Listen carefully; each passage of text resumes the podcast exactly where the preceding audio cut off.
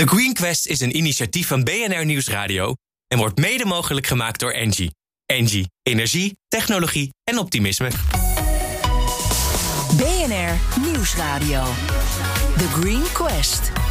Harm Edens. Hoe maken we samen een toekomstbestendige wereld? En welke innovaties in het bedrijfsleven dragen daar echt aan bij? Die zoeken we elke week in de meest zinvolle zoektocht van Nederland. The Green Quest. Pak een berg landbouwafval, laat er een paddenstoelenschimmel op los. En tada! Na een kleine week heb je een verpakkingsmateriaal dat veel duurzamer is dan piepschuim. Hoe dat werkt, dat hoor je zo. Maar eerst, Nederland kan een sleutelspeler worden in de transitie naar groene waterstof en groene chemie. Niet door zelf grootschalig te gaan produceren, maar door de juiste apparaten, onderdelen en opslagcapaciteit te gaan leveren. Dat betoog komt van Richard van der Zanden. Hij is hoogleraar aan de Eindhoven University of Technology. Richard, welkom. Um, zullen we beginnen met het bedrag? Want de overheid steekt nu 338 miljoen euro uit het Nationale Groeifonds in groene waterstof en groene chemieprojecten. Is het al bekend bij jullie hoe we dat geld gaan besteden? Ja, dat is zeker bekend. Eh, we gaan uh, dat gebruiken voor uh, onder andere kleinschalige waterstofprojecten. Die, daar komen, komen investeringen vrij. Die projecten ja, tot, tot, laat ik zeggen, 10 megawatt schaal, 25 megawatt schaal mogelijk gaan maken. En verder staat daarnaast een groot onderzoeks- en ontwikkelingsprogramma mm -hmm. voor groene waterstof en groene chemie. Uh, waarbij bij de laatste vooral aangetekend moet worden dat daar nog heel veel te ontdekken valt en heel veel te ontwikkelen valt. Ja, het elektrificeren de van de chemie, hè? Met name. Ja, dat is de elektrificatie ja. van de chemie. Mm -hmm. En bij de groene waterstof gaat het vooral over, nou ja, het, het, het, we kennen het apparaat, de electrolyzer en alles wat daar omheen zit. Ja. Om dat door te ontwikkelen, te industrialiseren en goedkoper te maken. Mm -hmm. Voor we er nog dieper induiken, is het misschien goed om even te zeggen dat waterstof een energiedrager is. Uh, want dat weet niet iedereen. Jij ziet twee belangrijke functies voor groene waterstof in de toekomst. Welke twee zijn dat? Ja, nou de eerste is om uh, zeg maar de, de groene elektriciteit die we gaan maken, om die te bufferen. Hè. Zoals we allemaal weten is groene elektriciteit niet altijd beschikbaar. Er zitten fluctuaties in. Mm -hmm. En vooral die fluctuaties op, laat ik zeggen, uh, seizoenniveau zijn van heel groot belang om die op een goede manier te kunnen opslaan in, in moleculen. En dan is waterstof een voor de hand liggend molecuul, omdat het vrij eenvoudig is door middel van waterelektrolyse. Ja, voor de stroomzekerheid van het land, zeg maar. Voor de stroomzekerheid, inderdaad. Ja. En, en, en de tweede aspect heeft vooral te maken met waterstof als, groenstof, als grondstof. Misschien weet niet iedereen het, hè, maar op dit moment gebruiken wij al ongeveer 1 megaton waterstof, die weliswaar gemaakt wordt uit methaan. Ja. Dat noemen ze zogenaamde grijze waterstof. En om dat te vergroenen, uh, zullen we groene waterstof ook nodig hebben.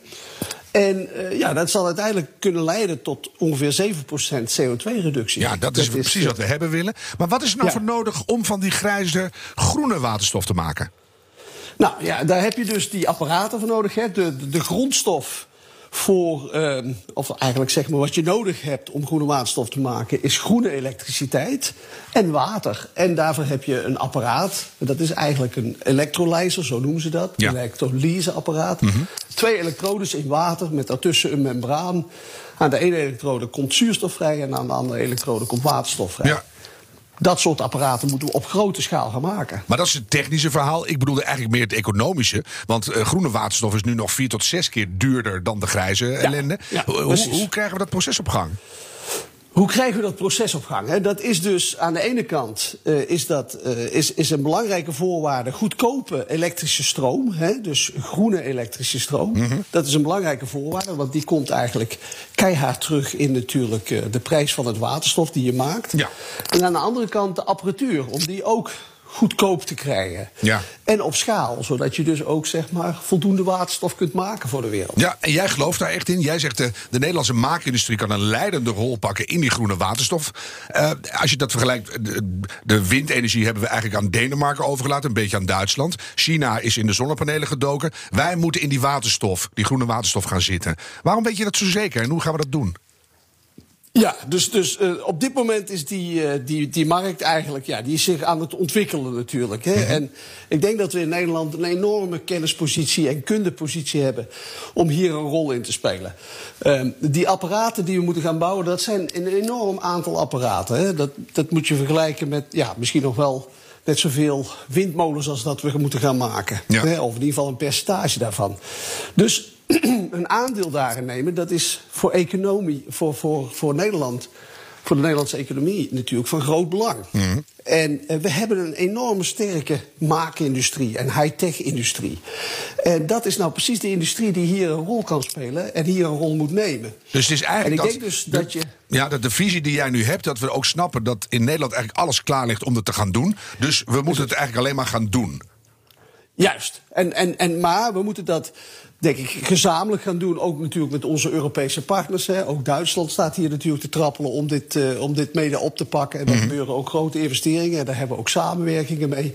Maar ik denk dat hier ook een overheid een rol kan spelen door. Kijk, als we die grootschalige waterstofprojecten eh, eh, gaan starten, ik noem Ja. iets op de 100 of 200 megawatt, ja, dan zou je kunnen denken aan een soort, nou, wat we ook met de JSF, hè, die straaljager hebben gedaan, dat daarvan ook een deel, zeg maar, van die middelen die we daarin gaan stoppen, dat die gebruikt worden om die Nederlandse industrie daarbij te betrekken. Ja, je schetst echt een enorme omweld nu. Hè, want eh, ik, ik ken de bedragen uit het buitenland niet precies. Maar die Ja. investeren op dit moment veel meer dan die 300 plus miljoen die Nederland nu vrijmaakt. Dus misschien moet dat bedrag wel heel snel omhoog. En we waren laatst, eh, ik denk nu vier weken geleden, in het eh Lalma Museum in Den Haag. En daar hebben we namens 80 bedrijven het waterstofbidboek aan Diederik Samson overhandigd. Dat mocht ik in eigen persoon virtueel naar Brussel gooien. Heb jij nou het gevoel dat die lobby vanuit het bedrijfsleven en ook nu langzamerhand richting politiek genoeg vorm gaat krijgen? Dat we snappen, we moeten nu handelen, we gaan het nu doen. Ja, ik denk wel dat dat eh, steeds meer eh, zeg maar voeten aan de grond gaat krijgen. Hè. Eh, misschien nog wel een kanttekening. Hè. Nederland doet natuurlijk wel behoorlijk veel ook aan waterstof. Hè. Als je kijkt wat er gebeurt in de eh, topsectoren en dergelijke. Mhm. Er wordt er wel meer nog gedaan aan waterstof dan alleen dat groeifondsvoorstel. Ja. Eh, maar Nederland inderdaad moet nu aan de gang. En wij moeten ons daarbij aansluiten. En we moeten zorgen dat we hier zeg maar, ons graantje in mee gaan pikken. Ja, ik en, vind het- en, en we hebben daar de kennis en de kunde voor. Ja, ik vind het ook mooi dat we het er nu even over hebben. Want de Green Quest heeft natuurlijk ook enorm veel invloed in het land. En ik zat te denken, de Rotterdamse haven, nu grotendeels op fossiele brandstof. Als ze niet snel gaan veranderen, dan is het daar over 15 jaar een dode boel. Maar hier in de studio ook al voor deel 2, ons kritisch jurylid en zeer deskundige Jacqueline Kramer. En die zit een beetje met een Tata Steel vraag, Jacqueline. Ja, ik wilde vragen aan eh, u of Tata Steel volgens u nou ook meteen over kan stappen op waterstof, een hele nieuwe techniek en vernieuwing van de plant. Ja, er zijn, er zijn dus inderdaad eh, elektrochemische processen ook die staal kunnen produceren door middel van waterstof. Ehm, er zijn projecten, denk ik, in Oostenrijk. En er zijn al projecten en programma's eh, vanuit Zweden. Ja, Zweden dus loopt de als je waterstof Ja. Op grote schaal hebt, kun je inderdaad groen staal maken. Maar zou dat voor Tata Steel dan meteen de goede volgende stap zijn? Dus gewoon even wachten tot we het opgezet hebben. En dan klappen we in één keer om. Zonder allerlei tussenliggende geneuzel. Nou, dat is één grote maar. En dat is namelijk die waterstof die Ja. Mhm. we gaan produceren. Dat hier, op basis van onze groene elektriciteit, die is nog te duur. Dus daar zal wel enige hulp moeten komen dan. Om dat zeg maar nog aantrekkelijk te maken, business-wise. Ja, maar dat gaan we dan even regelen, denk ik. Want we moeten op gang komen. Nou, heb ik begrepen dat we niet al dat waterstof in Nederland moeten gaan maken. Hè, want dat is eh, heel inefficiënt. Hoe moet dat wel? Nou, het is niet inefficiënt. Het is met name, moet je dat vanuit het economisch perspectief bekijken. De, de elektrische stroom die wij in Nederland maken, die is bijvoorbeeld een factor 4 duurder op dit moment hè, dan de elektrische stroom die je bijvoorbeeld al eh, ziet aangeboden worden in projecten in Portugal. Hè. Daar hebben ze voor 1 cent per kilowattuur. eh, kunnen ze daar al groene elektriciteit aanbieden. Ja. Nou is de vraag of die, die stroom in Nederland ook nog zeg maar, goedkoper gaat worden. Die verwachting is er wel. Maar er is ook, gaat ook meer concurrentie worden voor de hoeveelheid elektrische stroom die we gaan opwekken. Dus ik verwacht dat, dat wij tot in lengte van jaren, zoals nu ook al, we groene moleculen zullen blijven importeren. Is toch ook veel dus- makkelijker in Noord-Afrika, Richard, denk je niet? Dat we daar gewoon, Ja. hebben we de ruimte, hele grote stukken onbe- eh, ongebruikt land. Laten we daar nou gewoon voor de hele wereld en eh, op een paar andere plekken al die groene moleculen maken. En dan kunnen we er hiermee aan de slag. Ja, dat hoeft niet per se in Noord-Afrika, mag ook in Zuid-Europa. Dat zou een hele mooie Europees project zijn natuurlijk. Dat, je, dat je deels van de groene moleculen natuurlijk uit het zuiden laat komen. En dat wij, zeg maar, als, als Noord-Europa daarin in de maakindustrie een hele grote rol kunnen spelen om die apparatuur te maken. Ja. Dat zou natuurlijk vanuit Europees oogpunt een heel mooi samenwerkingsmodel langs de Hebben Noord-Zuidas Ja, hebben we weer eindelijk iets, een hele bindende factor. Als je nou eh, nog even een klein beetje tijd wil gebruiken voor een eh, heel, heel dringend, eh, onontkoombaar appel richting Den Haag. Wat zou je willen zeggen tegen de, de formateurs die nu toch stiekem al een beetje bezig zijn? Ik zou zeggen, zet zwaar in op eh, onderzoek en ontwikkeling rondom die groene chemie, rondom groene waterstof. Sluit daarbij de maakindustrie op een goede manier aan. En ga die eerste demonstratie en pilots eh, zeg maar financieren, zodat we heel erg veel gaan leren rondom waterstof. Zodat we een kennispositie en kundepositie op, opbouwen, zodat we straks een enorme verdiencapaciteit hebben ook Ja, ik vind na het- 2030. Ja. En dat we een, een speler zijn op dit gebied. En hoe snel moet dat? Want we hebben niet veel tijd meer te verliezen, toch? Eh, gisteren. Oh. Nou, tien jaar geleden. Het tweede kabinet Balken, eh, begrijp ik. Ja. Precies, precies. Dus, dus, dus, dus eh, dat is de urgentie. Hè? Dus niet, eh, nee, niet, niet, niet, niet morgen. Eigenlijk had het al, al, al jaren terug moeten. Ja, ik denk dat het heel goed is dat je dat nog even extra onderstreept. Want we, Ja. we moeten aan de slag en, de, en die tijd is nu. Professor Richard van der Zanden, dank voor dit, eh, eh, ik mag niet anders zeggen dan inspirerende gesprek. BNR Nieuwsradio. The Green Quest. Elke week zoeken we in dit programma naar de meest duurzame innovaties van Nederland. En we hebben er weer één. Vandaag nummer 29 in de Green Gallery. Grown.bio, .bio, Grown Bio. En hun innovatie klinkt ongeveer zo. Paddenstoelen komen uit de grond. Plop, plop, plop, plop. Ze staan overal in het rond. Plop, plop. At Crown.bio, we use nature's intelligence to make products. In fact, we use mycelium, which is the roots of mushrooms. Mycelium has remarkable properties. Ik ken nog wel een leuk liedje over een paddenstoel. Zingen jullie mee? Op een grote paddenstoel,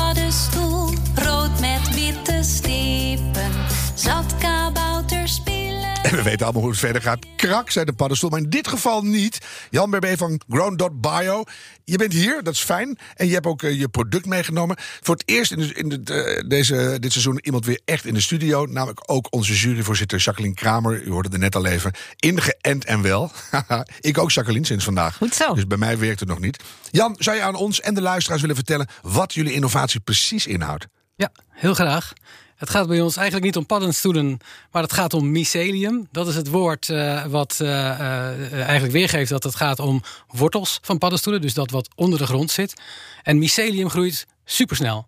Eh, als wij eh, landbouwafval nemen, wat ik hier voor, als voorbeeld mee heb genomen. Ik zie hier voor me bruine vezeltjes van een centimeter of anderhalf lang in een malletje. En daar mengen wij mycelium door.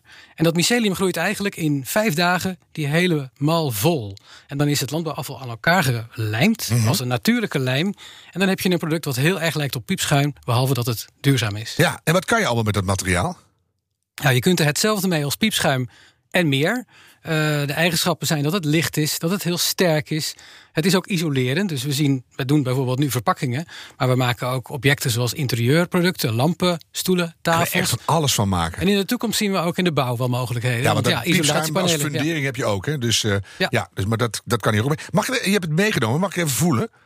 Alsjeblieft. Ik heb nu een soort, eh, ja wat is dit? Een design plantenpotje in mijn hand. Even aan ruiken ook.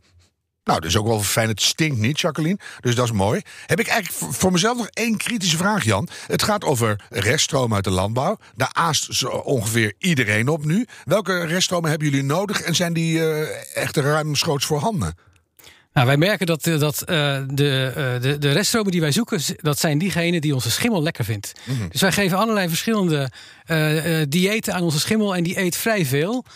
Van koffieprut tot lisdodden, tot vlasafval, tot bermgras. En in dit geval een plantenpotje wat ik bij me heb van, van hennep. Ja, ja je kan, heel, veel kanten kan je op. Ja, dus je kunt met heel veel verschillende stromen werken. Zo hebben wij bijvoorbeeld een vraag uit Spanje. Van, in, van, in Spanje is vrij veel paella-productie, rijstproductie. Ja. Dus we hebben nu ook met succes met rijstproducten gemaakt. Met rijstafval, Dat moet ik zeggen. goed. Ja, ik heb altijd een zwak voor paella. Jacqueline, jij ook? Heerlijk, heerlijk. Paella, Spaanse nasi, zeiden ze ooit in de Jordaan. Jacqueline, jouw eerste reactie hè? en wat wil je weten? Ja, mooi. Heel mooi eh, product. En eh, mijn vraag is eigenlijk, je, je noemde een heleboel verschillende toepassingen. Maar onder andere verpakkingen is een van jullie eerste speerpunten.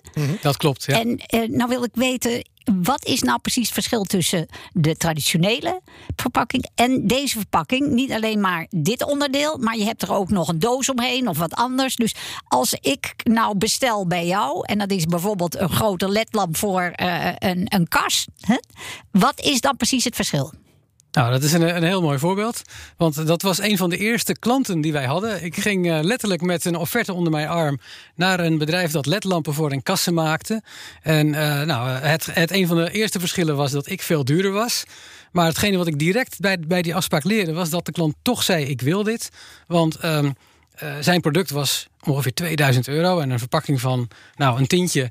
Dat was in zo'n geval wel een verhouding die kon. Dat kon uit. Ja. Maar ten tweede, die ledlampen werden naar kassen gestuurd. En daar zat de kweker met dat piepschuim. Daar kon hij niks mee. Dat moet je afvoeren, daar moet je voor betalen. Met dit materiaal kon die, maar dit materiaal kon hij gewoon tussen zijn uien of zijn tomaten verkruimelen. En dat was gewoon nieuwe voeding. En daarmee een circulaire verpakking. Ja, dat vind ik wel mooi. Eh, Wil ik toch even weten, Jan. eh, ik vraag me er altijd af. Landbouwafval combineren met schimmel. Hoe kom je daarop? Nou, toen ik dat. eh, ik, ik heb het niet zelf bedacht. Ik heb, eh, ik, mijn achtergrond is in de verpakkingen. En op een bepaalde dag las ik over mushroom packaging. Ik dacht dat het ging om een mooie vervanging voor dat blauwe bakje waar de, waar de champignons in zitten. Maar helaas, dat was niet zo. Dit was een verpakking gemaakt van paddenstoelen. En dat integreerde mij alleen maar meer. Dus ik ben op zoek gegaan naar de, de uitvinder daarvan. komt het bedrijf, en, eh, een bedrijf in New York. Oh ja. En eh, nou, met hen ben ik eh, vijf jaar geleden in contact getreden. En inmiddels hebben wij de licentie voor Europa. En proberen we eh, steeds meer bedrijven te over- overtuigen hoor. dat verpakkingen van landbouwafval en schimmel een goed alternatief Ja, zijn. en dode mensenverpakking heb je er ook al van. Ja, dus het gaat, gaat de goede kant op. Wil ik als zure presentator ook even weten. Wat kost dat wel niet allemaal? Ja, dit is inderdaad een product wat nu helaas nog wel duurder is dan, een, eh, dan bijvoorbeeld piepschuim. Ik noemde net al het voorbeeld van de ledlamp. Toen waren we twintig keer duurder.